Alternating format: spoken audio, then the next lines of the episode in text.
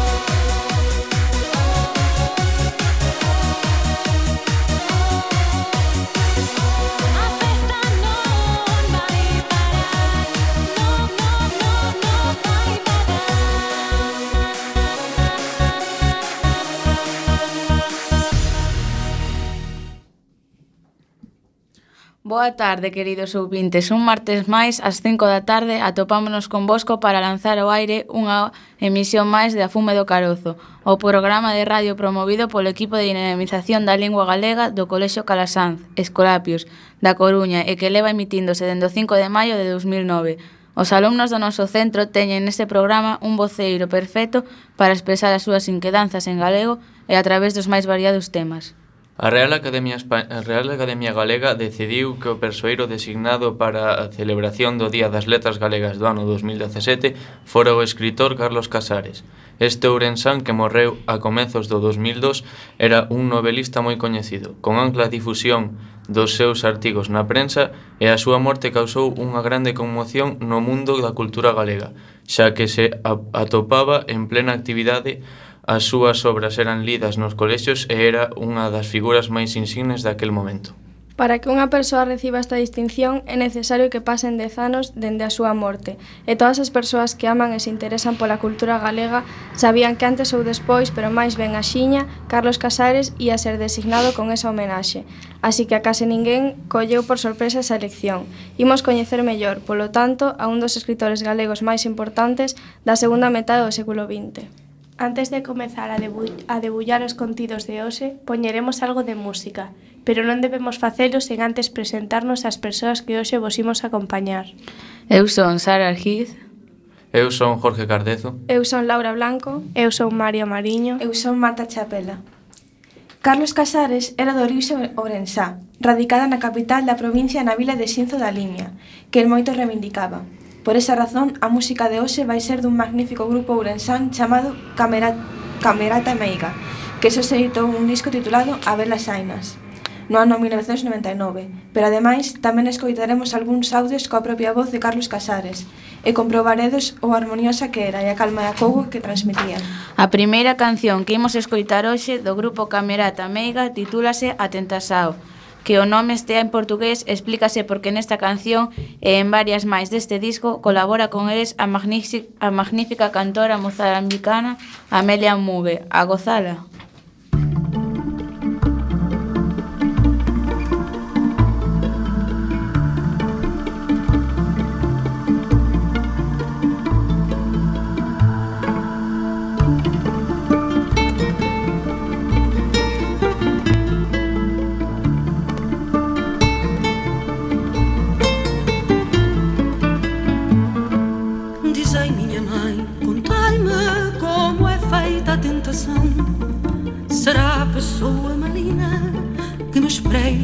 numa esquina e me tome o coração. Que cuidados, que canseiras, que portas aperreadas, senhora, é lá fora. Que nos tem aqui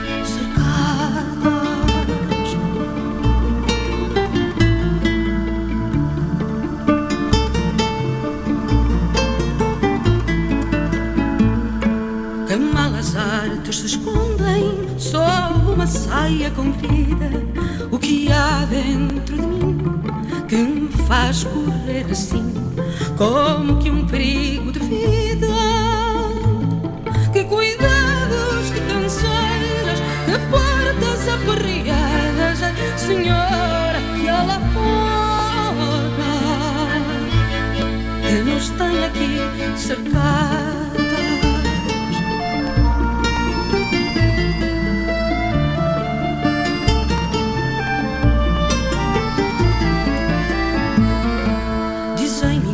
Contai-me penas de amor, o que são?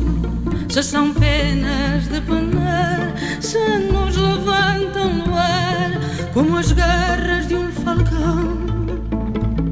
Que cuidados, que canseiras, que portas aperreadas, ai, senhora, que ela foda, que nos tem aqui cercados.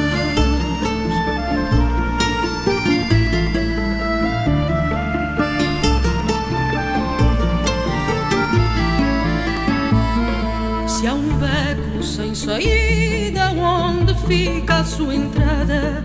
Oh mãe, contai um segredo que eu nem sei se tenho medo ou se tremo de apressada. Que cuidados, que canseiras, que portas aperreadas, ai senhora, que há lá fora e nos tem aqui cercado.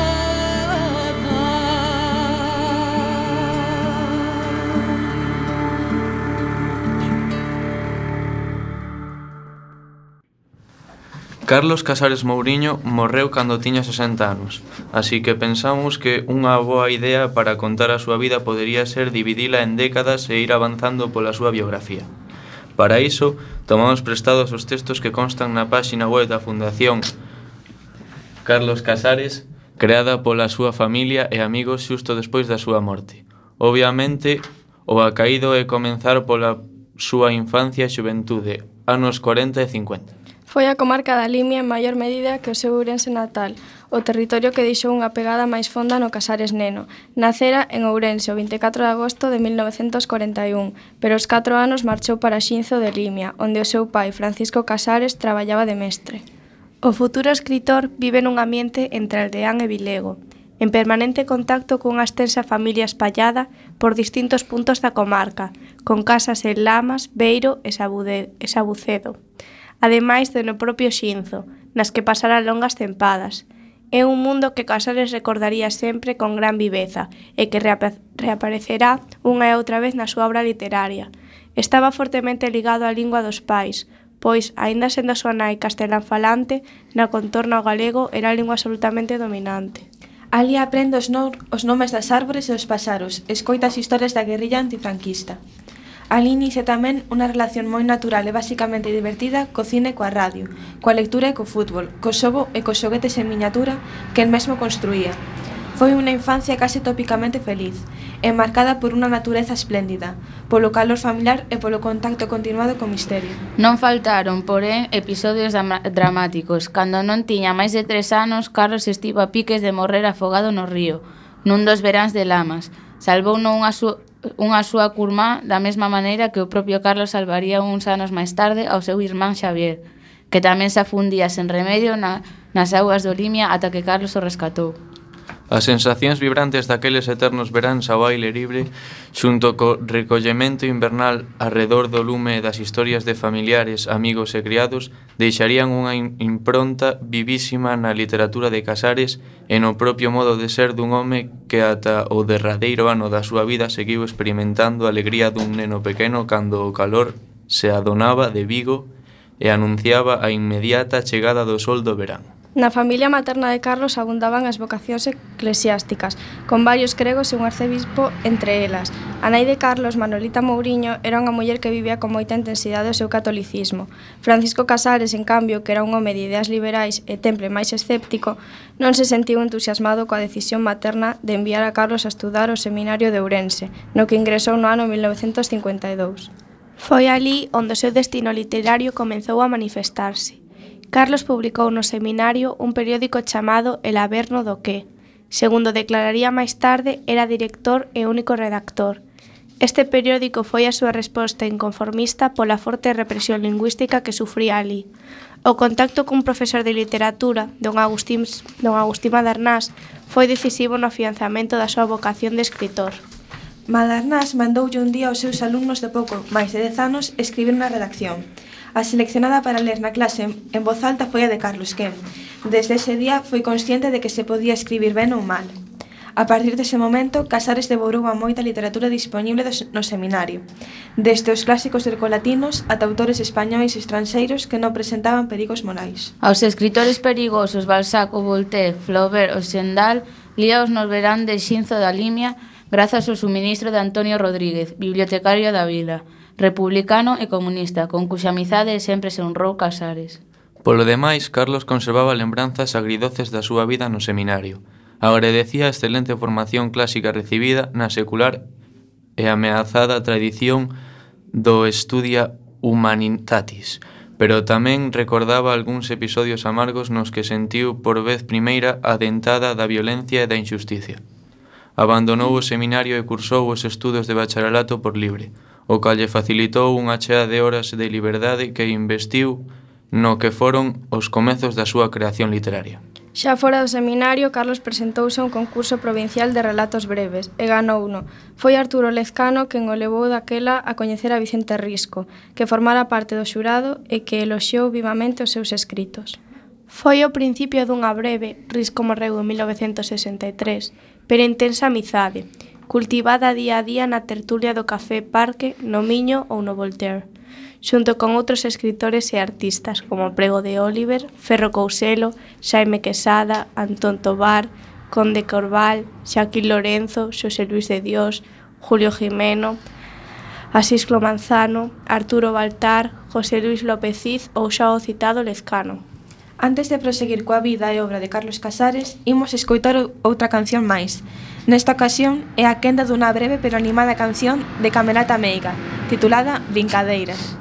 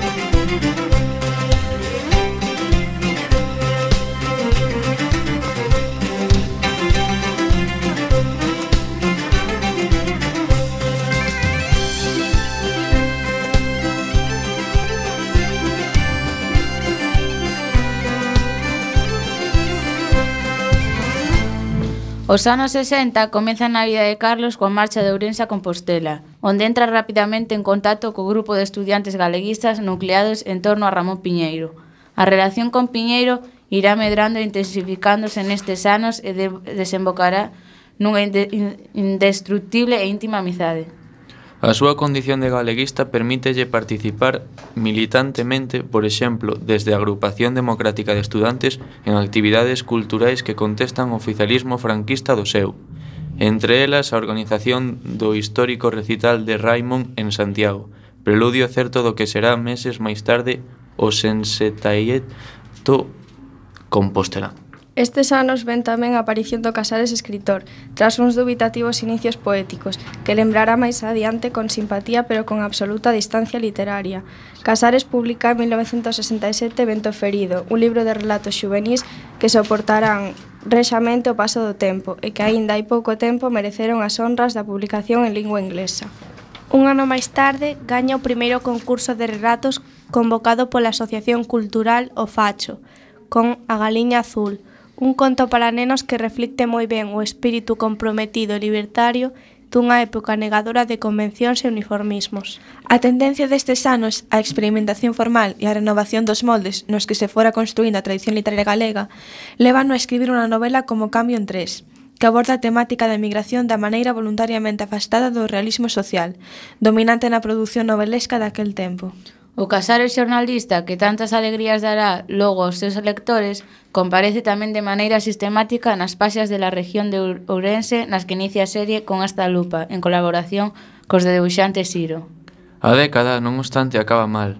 No seu primeiro traballo, nun colexo da Viana do Bolo, Casares é acusado de comunista por pretender que os nenos pobres da vila puideran acceder gratuitamente aos servizos do comedor escolar, poñendo de manifesto durante esta batalla unha rede impresentables corruptelas. O conflito con obra de teatro escolar por medio remata con Casares expedientado, despedido e inhabilitado para impartir a docencia en todo o territorio galego, pero hoxe aquel colexio de Viana do Bolo chamase Instituto Carlos Casares.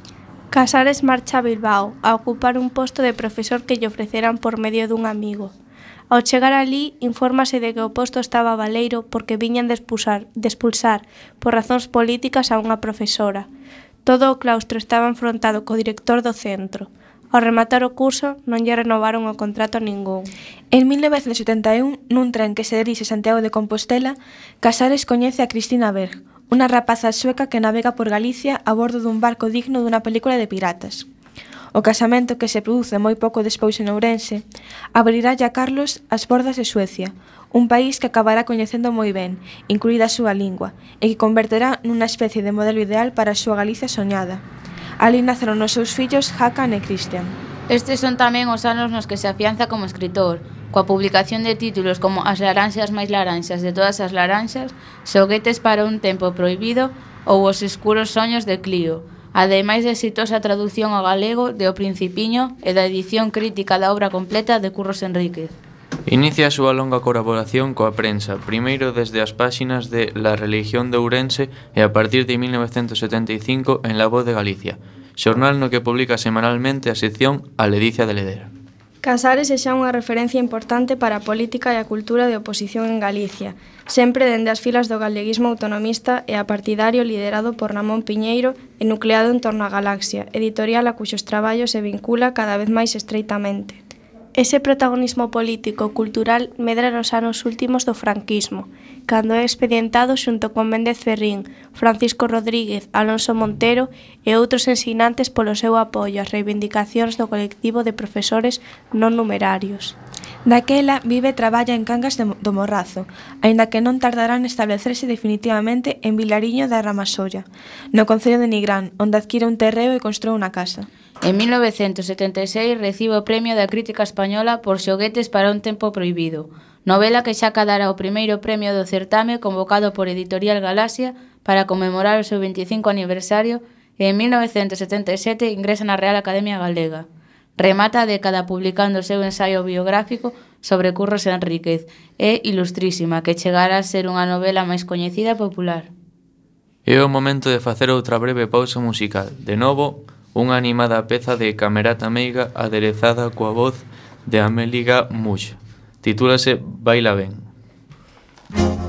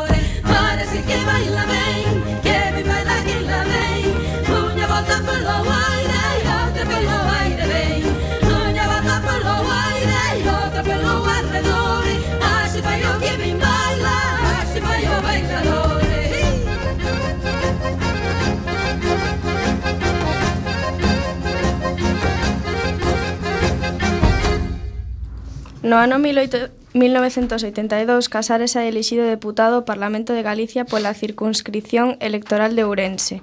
Presentouse ás eleccións como galeguista independente nas listas de PSG PSOE. En esa andaina estivo acompañado por Ramón Piñeiro, Alfredo Conde e Benxamín Casal. Casares gardou sempre un excelente recordo daquela primeira Cámara Autonómica que presidiu Antonio Rosón no Salón Nobre de Fonseca, O espírito de consenso ao que tanto contribuíron os, os deputados galeguistas deu froitos como aprobación por unanimidade de Lei de Normalización Lingüística, en cuxos debates e redacción xogos Casares un, impo un importante papel. Pouco antes de rematar a legislatura no ano 1975, Piñeiro decide propoñer a Casares como director da editorial Galaxia, cargo que desempeñará ata a súa morte procedendo a unha fonda e modernizadora reestruturación da emblemática editorial viguesa.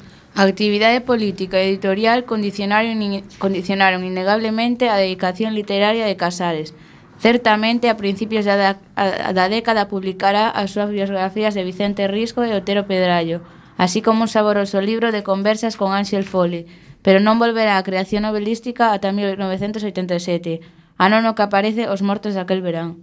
A pesar destas intermentencias, a obra literaria de Casares empeza a interesar fora de Galicia e a ser traducida ao castelán Os escuros soños de Clío en 1984. Ilustrísima en 1976, Os mortos daquel verán en 1987, o mesmo ano da súa edición en galego. E respondendo a unha invitación da Unión de Escritores da Unión Soviética viaxa en 1973 pola extinta URSS, impartindo conferencias e participando en seminarios xuntos con outros escritores como Manuel Vázquez Montalbán ou Juan Perucho, cos que establecerá unha intensa e, dura e duradeira relación de amizade. O pasamento de Ramón Piñeiro en 1990 marca a fin dunha etapa na historia do galeguismo e na vida de Casares, quen a partir dese momento e ata a súa propia morte vai ter que desempeñar un papel moi semellante ao xogado nas anteriores polo seu amigo e mestre. Foi en 1992 cando Casares empezou a publicar diariamente na Voz de Galicia a súa columna A Marxe, O éxito sorprendeu a Casares e o propio periódico. Nunca antes unha columna escrita en galego chegara a aparecer entre as máis tenazmente lidas e preferidas polos lectores de La Voz, Gracias a Amarse Casares deixa de ser tan só un escritor coñecido e respectado para pasar a converterse nunha figura popular e querida. Nestes anos, Casares multiplica a súa actividade. Continúa escribindo biografías como as de Ramón Piñeiro, Ángel Fole e Martín Sarmiento, e tamén abundantes títulos dedicados aos rapaces, pero céntrase sobre todo en dúas novelas de gran ambición literaria, Deu sentado nun sillón azul 1996 e o sol do verán 2002 que serían suficientes para considerarlos como un dos grandes da historia das letras galegas. Recibe importantes premios tanto polo seu labor xornalístico Fernández Latorre en 1993 e Julio Camba en 1995 como polas súas creacións novelescas. Faltalle un voto para obter o Premio Nacional de Narrativa de 1997 por Deus sentado nun, millo, nun sillón azul, pero é distinguido cos premios da crítica de España e de Galicia. En 1998, Un país de palabras refrenda a súa rara calidade de ensaísta narrador. Casares sempre se empresa, sobre todo cando se trataba de sentar arredor dunha mesa ou unha terraza no verán a falar cos amigos, é capaz de encaixar a súa vocación literaria e o seu gusto pola vida con traballos institucionais para os que é cada vez máis solicitado. Ademais de dirixir Galaxia e a revista Grial, Preside o Pen Clube de Galicia e un Consello de Cultura Galega. Forma parte do padroado de da Fundación de Caixa Galicia. Dirixe os cursos de verán da Fundación Camilo José Cela, participa activamente na vida da Real Academia Galega, imparte conferencias, escribe prólogos, visita colexios e institutos, presenta libros e asiste a innumerables actos oficiais. E un día con case 60 anos non dubida en embarcarse con 80 escritores europeos, todos eles bastante máis novos que el, nun expreso de literatura europea que durante mes e medio percorre Europa dende Lisboa ata San Petersburgo. A noite entre o, no, entre o 8 e o 9 de marzo de 2002, estando na súa casa da parroquia da Ramallosa, Concello de Nigrán, sufriu unha crise cardíaca. Faleceu no hospital do Mixoeiro. Os que estiveron con el no hospital contan que, minutos antes de morrer, Bromeou o mesmo botou algún riso. Era o 9 de marzo de 2002 pola mañanciña. Foi soterrado no Camposanto de San Fid de Nigrán, concello no que residía hai máis de 20 anos. Rematamos coa súa intensa biografía e imos comezar a falar máis en detalle da súa obra, pero o mellor para facer ese xiro argumental é escoitar un pouco máis de música. A seguinte canción que escoitaredes de Camerata Meiga titúlase Camiño da Prata. Non cambiedes de dial.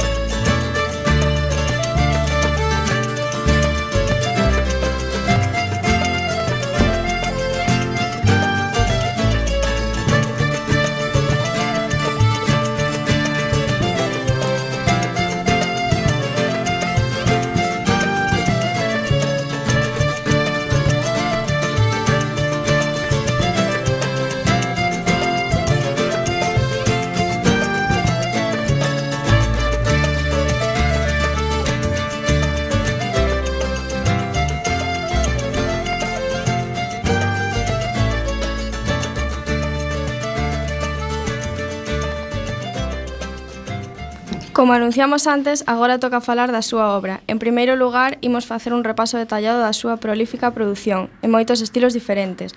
Posteriormente, analizaremos algunha das súas obras máis importantes, e incluso poderemos escoitar a súa voz lendo fragmentos de algunhas desas obras célebres. O xénero que máis cultivou con diferencia foi a narrativa. Por orde cronolóxica, pero obviando as datas de creación, publicou Mento Ferido, Cambio en Tres, Xoguetes para un templo proibido, Os escuros soños de Clio, Ilustrísima, Os mortos daquel verán, O galo de Antioquía, Deus sentado nun sillón azul, Un polvo xigante, O sol de verán, que entregou a Editorial Galaxia antes de morrer. Outro xénero no que publicou moito foi o da literatura infantil, con a Galiña Azul, As Laranxas máis Laranxas de todas as Laranxas, O Canrín no Lobo Crispín Este é Toribio, Toribio contra profesor Smith, Toribio e contador de contos, Toribio ten unha idea, Toribio revolucionou o tráfico e Lolo anda en bicicleta. Tamén foi moi prolífico no campo dos estudos e ensaios biográficos por medio de semblanzas e entrevistas. Ademais de estudar e analizar as moitas outras figuras galegas, publicou obras sobre Curros Enríquez, Vicente Risco, Otero Pedraio, Ángel Fole, Ramón Piñeiro, o Padre Sarmiento, Gonzalo Torres Ballester e incluso sobre o paso de Hemingway por Galicia. Do mesmo xeito que el foi o elixido para o Día das Letras Galegas do ano 2017, outros moitos persoeiros o foron antes ca el. Pero el elaborou edicións académicas para a Real Academia Galega dos seguintes autores. Francis Carrera Garrido, 1987. Ramón Otero Pedrallo, 1978. Fermín Bouza Brei, 1992. E Ángel Fole, 1997. Tampouco escapou da edición e crítica literaria. Estudou figuras e a obra de autores como Curros Enríquez, un dos seus autores preferidos, Valle Inclán e Ramón Piñeiro, e tamén publicou antoloxías sobre literatura galega moderna e novela curta. Tamén fixo guías turísticas sobre Santiago de Compostela, Ourense, a provincia de Pontevedra, Galicia e os seus portos. Especialmente nos últimos anos da súa vida, tivo moita importancia o seu rol de articulista en prensa. Destacou neste ámbito principalmente no xornal ourensán La Región, dende 1968 ata 1974, e La Voz de Galicia, dende 1992 ata o 2002. Incluso o día que morreu, sai publicado neste último xornal o artigo que lles enviara o día anterior. E remataremos falando da tradución. Por unha banda, a súa propia obra narrativa foi traducida a castelán, catalán éuscaro, asturiano, valenciano, inglés, italiano, alemán, francés e bretón, pero que ademais el tamén traduciu o galego Principiño de Saint-Exupéry, O vello mar de Hemingway e varias obras do seu gran amigo Gonzalo Torrente Ballester. Antes de pasar a analizar en detalle algunhas das súas obras máis importantes, podemos escoitar unha nova canción de Camerata Meiga. Por exemplo, que vos parece esta danza do introido?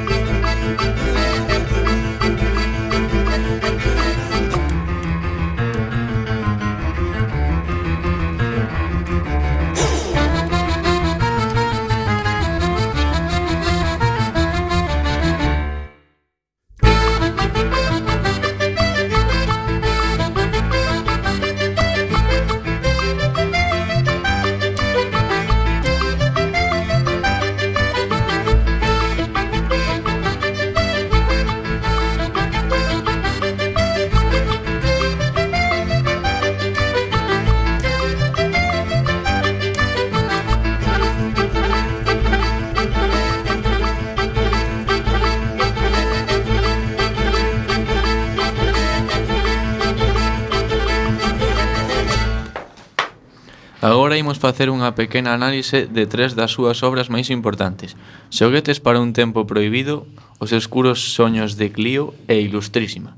E ao final desta sección escoitaremos ao autor lendo un fragmento da primeira destas obras. Xoguetes para un tempo prohibido foi publicada en 1975, gañadora do Premio Galaxia de novela que a editorial convocara para celebrar o seu 25 aniversario.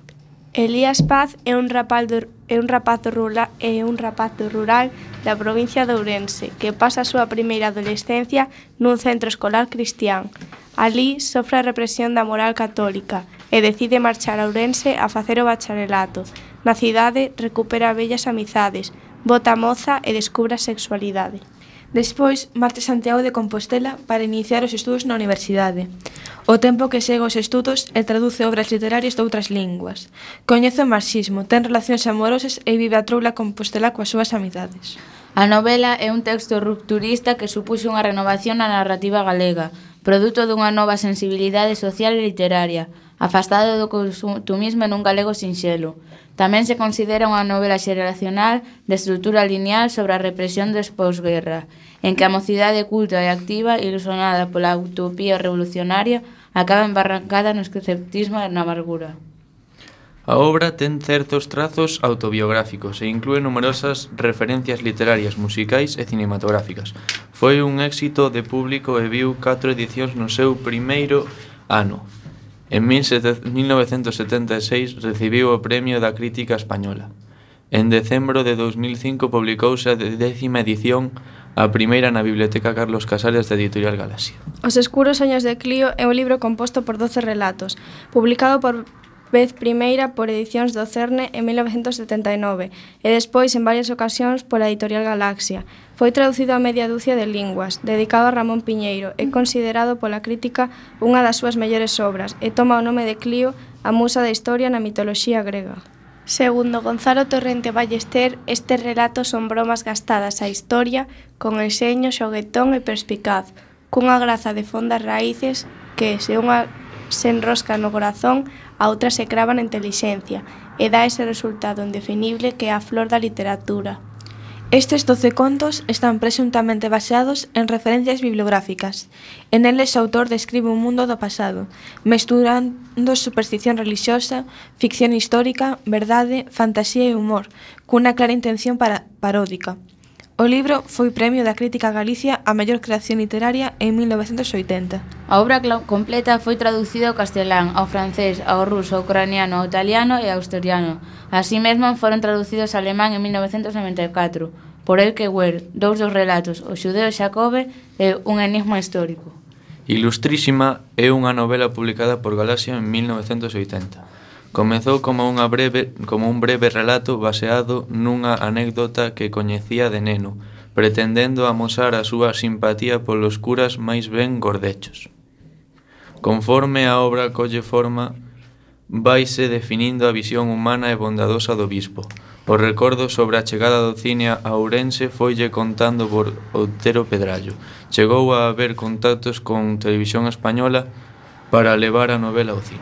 Fernando Fanego é o bispo dunha cidade do interior de Galiza, a comezos do século XX partindo da chegada do cinematógrafo á vila. Falase do enfrontamento entre a curia episcopal, fanática, intolerante e dogmática, e o propio bispo, bondadoso, comprensivo, tolerante e pacífico. Esta mesma confrontación dase en certa medida na sociedade. A política levada a cabo por Canelas e Romanones é tachada por algúns de anticlecerial, representada na novela polos lectores do xornal conservador La Verdad e por outros de progresista, e apoiada deste xornal El Liberal.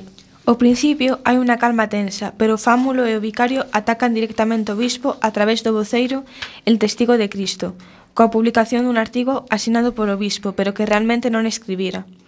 O bispo exixe unha rectificación, pero o artigo quece os ánimos na cidade e o sector máis conservador e fanático ataca a familia italiana propietaria do, do cinematógrafo e o director del Liberal. A redacción está feita nun estilo moi sinxelo e sen complicacións técnicas, buscando conectar co lector. Isto provoca por veces o uso de castelanismos para evitar o uso de léxico pouco coñecido. A máis do galego, utilízase un italiano castelanizado, polo propietario do cinematógrafo o castelán en artigos de prensa e o latín. O tempo de historia sitúase entre 1910 e 1912, durante o mandato de Canalejas en plena restauración. A trama dura uns seis meses desde a chegada do verán até o terceiro domingo de Advento. A orde do discurso é lineal e vanse narrando feitos cunha duración máis ou menos breve, unha tarde, un paseo, unha mañá. Aínda que non se explicita, a cidade é Ourense por nomes de rúas e prazas, Alameda, Pote, porque está á beira dun río, o Miño, lonxe de Mondoñedo e preto de Vilar de Santos. Faise referencia tamén ao mundo exterior. Mondoñedo, recordos da infancia do seminario, Madrid, de onde veñen as leis, e París, de onde veñen os adiantos tecnolóxicos. E rebataremos esta amena sección escoitando ao propio Carlos Casares lendo un fragmento da súa obra, Xoguetes para un tempo proibido. Estade ben atentos. No medio da pista non quedaban xa máis que dúas parellas que aproveitaban a música cansa da peza final. Pouco a pouco o cheiro quente dos corpos deixaba paso o ambientador con recendo a rosas que ía baixando desde o corredor do piso alto, mentras nas escaleiras de saída un camareiro convencía con dificultade a dous borrachos que xa se cambiaran a chaqueta do smoking e os zapatos e querían cambiar aínda os pantalóns tamén. Entón un deles berrou me cago en elas de oros e nos huevos del rei de Portugal e foi Ricardo Romero a dicirlle que por favor que aínda quedaban señoras na sala. Mara ría e logo botando o corpo para atrás xirou o taburete de repente e pediu outro gin tonic, por favor. Pero o barman xa saltara a axudar ao compañeiro que acababa de recibir un puñetazo na boca e comprobaba asustado que dos labios lle saía unha fontiña de sangue.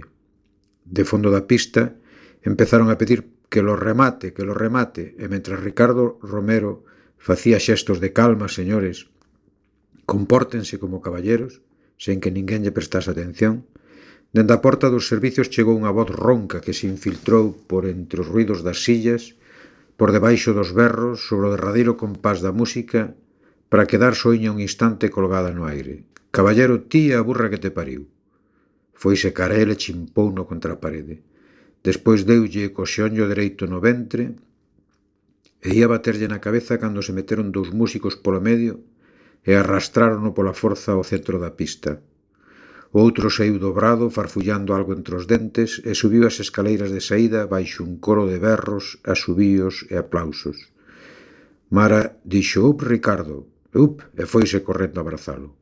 Alguén pediu música e unha señora ascendeu descalza e tambaleante os tres escalos do baldaquino que ocupaba a orquesta, colleu o micrófono e puxos a cantar Strange in the Night. E antes de que rematase, Xamara empezou Pasi misí, Pasi misá por la puerta de Alcalá e puxose todo o mundo a saltar, a bailar, a berrar. Logo veu a conga de Jalisco, a raspa, outra vez o Pasi misí, o paso dobre España Cañí a ovejita lucera e polo río abaixo vai unha troita de pé. Tamén ve un discurso de Ricardo no que se rematou dicindo que auga pasada non moe muiño, o que lle serviu para entoar moe que moe moendo, cantou novamente a señora descalza, da que de seguida se correu que se chamaba Xela que era pintora, os borrachos do comenzo acabaron cambiar tamén os pantalós e entre os risos e os aplausos de todos os asistentes. A casa invitou primeiro a champán, e xa despois das cinco a chocolate con churros. Un dos que berraban que lo remate, que lo remate, apareceu cunha empanada de bonito recén saída do forno que se repartiu en tapas. Outro imitou a Louis Armstrong e a Fran Sinatra. Tamén imitaron a Lola Flores. Había un abogado que quería demostrar que era capaz de tocar o himno nacional inglés póndose co cupa arriba e cos pés para baixo, pero non o deixou actuar a súa muller a quen a pintora lle chamou antipática de xeito cariñoso. Dous irmãos xemeos tourearon de salón sen éxito. A imitadora de Lola Flores andaba a pedir uns pantalóns para facer o pino, pero non os conseguiu e acabou no facendo coa saia cosida cun imperdible. Mara bailou por sevillanas. A muller do abogado rompeu un vaso sen querer e estivo chorando máis de media hora. Ricardo bailou cun camareiro. Xela saiu despavorida do servicio de señoras dicindo que había un home dentro e alá se foron todos, sacárono en calzós e regáronlle a cara cun sifón. O imitador de Luis Armstrong imitou tamén a Charlot. O animador da orquesta contou o chiste do home que chegou borracho a casa, sacou o ollo de cristal, meteu-no nun vaso de auga, tivo sede de noite e bebeu sen se dar conta, pero ao día seguinte sentiu molestias en certo sitio, decía certo sitio con voz aflautada, e chamo a muller. Ai, María, mírame aquí por debaixo que non sei o que teño. E foi ela, achegouse para ver ben e retrocedou espantada. Ai, Manuel, ti tes xente dentro. A imitadora de Lola Flores animouse e contou o de Jaimito cando quere casar ca maestra. O regado con sifón dixo que el sabía un moi verde, contouno e regaron outra vez. Mara entonou un sargento del tabor de regulares. Ricardo seguiu na co su santidade el Papa Urbano. O abogado que non o deixara actuar a súa dona puido contar o chiste do negro que tiña plátanos nunha orella. O músico da trompeta dixo que coñecía un señor da súa vila que era tan porco que tiña entre os dedos das mans esas pelotillas negras que todos temos entre os dedos dos pés. Un dos xemeos andou a catro patas coa señora do abogado cargado ao lombo e rinchaba. Chegou a hora de rematar o programa de hoxe. Lembrade que todos os martes ás 5 da tarde o equipo de dinamización da lingua galega do Colexio Calasances Colapios da Coruña emite este programa da Fume de Carozo, realizado por alumnos do noso centro. Hoxe, os presentadores fomos Marta Chapela, Sara Argiz, Jorge Cardezo, Laura Blanco e María Mariño. Antes de despedirnos de todo, queríamos pedirvos e explicarvos un traballo do noso colexio da asignatura de informática. Este año realizaremos cada grupo de, formado por 4 ou 3 persoas unha asociación de estilo e tema libre. Ose pedímonos que nos sigades nas nosas redes sociais para ter máis nota e informarvos sobre algunha puntuación ou temas distintos. Os nosos temas son surf, cultural e Harry Potter e agora os meus compañeiros dirán cada páxina web ou redes sociais que nos, nas que nos podedes seguir e informaros sobre os temas. Pois eu son a que tena, xunto con outros compañeiros, a Asociación Cultural, xunto con Héctor Villán, Cri, Cristina Fojo e Enrique Pena, E podedes seguirnos na nosa páxina web que se chama Sapereaude e tamén no noso canal de Youtube que tamén é Sapereaude. E proximamente abriremos contas en Twitter e en Facebook no que pod nos podedes seguir para saber eh, máis cousas sobre algúns grupos de música, películas ou literatura en xeral. A Asociación de Harry Potter, a nosa páxina web é eh, Las Tres Escobas Galiza e o noso Instagram las.3.escobas.galiza. Eh, bueno, eh, eu son Sara e eh, eh, no meu grupo veñen Carla Cotelo, Juan Mantiñán, Jorge Cardezo e eu. Eh, temos unha asociación de sur que temos eh, páxina web, Facebook, Twitter e Instagram e queremos que nos eh, sigades para ter máis seguidores e ir informándos do noso traballo e a nosa rede social son Bulls eh, con dúas S surf barra baixa 6, así que seguídenos a todos. Moitas grazas polo vosso apoio. A fume de carozo!